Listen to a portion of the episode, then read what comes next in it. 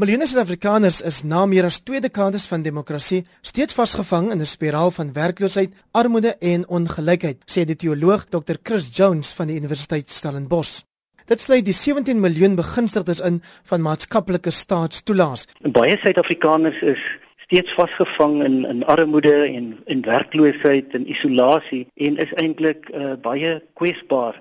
En hierdie siklus van armoede maak mense in baie opsigte magteloos en dit terwyl politici en ander hulle verryk ten koste van sosiale geregtigheid. Uh, so om om sosiale geregtigheid te bewerkstellig, uh, dink ek sal die regering oor die algemeen meer moet doen aan die uitwissing van armoede en die groot ongelykheid in inkomste tussen ryk en arm as ook meer volhoubare werksgeleenthede skep. Daar word gesê dat daar op die oomblik in Suid-Afrika net so wat 8.2 miljoen stabiele werksgeleenthede is. Wanneer werk aan iemand verskaf word, word die persoon nie net van 'n inkomste verseker nie, maar sy of haar waardigheid en selfbeeld word ook herstel. So ons sal die uitbuiting waaraan werkers blootgestel word sal ons moet aanspreek want dit is juis 'n uh, gevoel en 'n ervaring van uitbuiting wat dikwels aanleiding gee tot sosiale onrus en proteste. Die voorsiening van beter kwaliteit onderwys is ook noodsaaklik. Want daar is navorsing wat sê dat 75 tot 80% van ons skole in opsigte disfunksioneel is. Uh, en dit sal ons dringend moet aanspreek want onderwys word universeel gereken as 'n baie belangrike instrument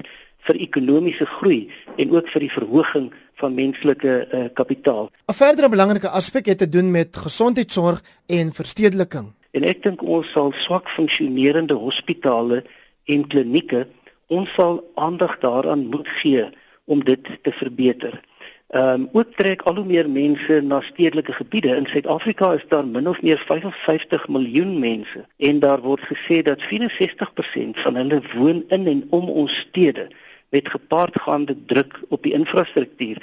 Dit sal op 'n manier aangespreek moet word. Wat is die uiteindelike oplossing dan? Ek dink die regering behoort saam met die private sektor baie meer te doen om meer mense ook toegang te gee tot bekostigbare gesonde kos. En ek bedoel gesonde kos waaroor baie Suid-Afrikaners nie beskik nie. Maar as mens mooi daaroor dink is is die stryd rakende armoede eintlik ons elkeen se verantwoordelikheid. Want ons elkeen kan op 'n manier daar waar ons woon, werk en leef iets aan armoede doen uh die goed om te sien na jou huis op of jou tuinman of ander persone wat vir jou mag werk help jy nie net finansiëel nie maar herstel jy ook die waardigheid van mense. Ons elkeen kan dus iets doen wat betref sosiale geregtigheid die regering uh, betaal aan 17 miljoen mense toelaas uit.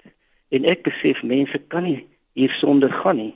Uh vir baie mense is dit 'n dun buffer teen hongersnood Maar as 'n mens mooi kyk in 2010-2011 het die regering ongeveer 27 miljard rand aan kom ons noem dit sosiale beskerming uitbetaal. Dit het met 39% gegroei tot in 2014-2015 en staan nou op 121 miljard. So hierdie toelaas besef ek help geweldig, maar vir hoe lank byvoorbeeld sal die regering dit kan volhou. En dan uh, daarmee sit ons met uh, baie disfunksionele gesinne en ons sit met stikkende woonbuurte en gemeenskappe en ons kinders word produkte hiervan. So my gevoel is dat ons sal uh, baie meer moet doen om hierdie gebroke kontekste te genees. Anders gaan ons nie om die spreekwoordelike draai voor in die pad kom nie. Ek dink uh, Heinrich, die tyd is verby om net te praat oor hierdie en ander goed. Ons sal iets moet doen en elkeen van ons sal eintlik sterker moet opstaan vir sosiale geregtigheid in ons land. Wat is Jones se reaksie op die huidige onsekerheid oor die uitbetaling van maatskaplike toelaas? Ek het uh, gevoel dat die regering nie uh, baie lank voete sal kan sleep hier rondom nie want uh, so baie huisgesinne in Suid-Afrika is eintlik afhanklik van daardie uh, sosiale toelaas. Dit is 'n soort van 'n dun buffer eintlik teen hongersnood en uh, as mense vir 'n tyd lank daarsonder uh, moet klaarkom, kan dit lei tot sosiale onrus en dalk allerlei forme van protes.